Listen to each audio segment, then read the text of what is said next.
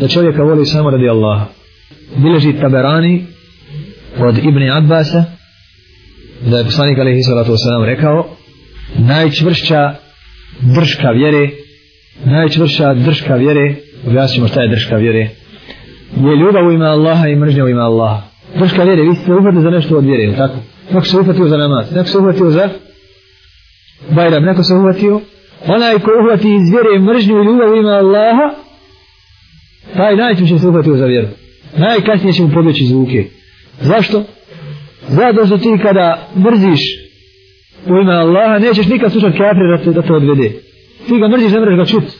A onaj koga voli, sa njim je poprimit će njegovu zabludu, čut će njegove, njegovu propagandu, uči mu to u srce, ustrašit će ga, iskrivit će mu svatanja i tako dalje. Zato, najčešće se drži za vjeru onaj ko mrzi u ime Allaha i voli u ime Allaha.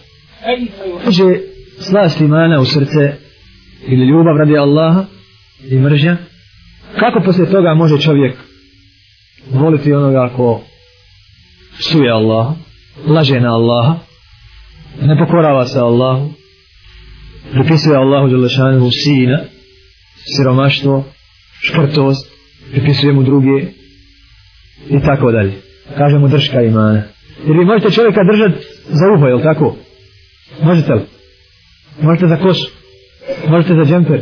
A možete gledati za ruku, jel? Za nogu? Za rame? Jel svugdje isto? Jel čvrsto držite svugdje? Jednako? Tako isto zavisi zašto se uhvatili od vjere. Najčešća drška vjere je ljubav ima Allaha i mržnja ima Allaha. Pa buđe ljubav prema Allahu u srce, onda rob ne voli ništa se mog što voli Allah i ne mrzi ništa osim što mrzi Allah ili voli sve što voli Allah i mrzi sve što mrzi Allah žele šan to smo juče dijelom spominjali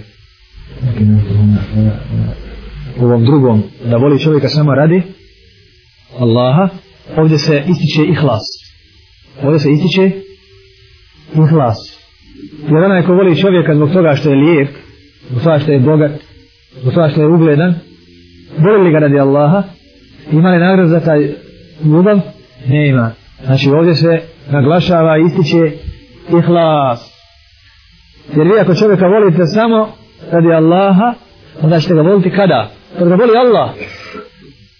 A ako ga voli zbog toga što je lijep, što ti god on rekne, ti ćeš ga poslušat. Pa rekne protiv Allaha, ti ćeš ga poslušat. Zato dakle, da su ti sebi nametnuo, nametnuo si ti sebi ovdje jedan kriterij, da ćeš ga voliš šta god bio, jer ga ti ne voliš, radi Allaha, pa ne bi ga ostavio radi Allaha. Nego ga voliš na toga što je lijep. Pa neš ga, neš ga ovaj, mrziti sve dok ne postane ružan, ne izgubi ljepotu.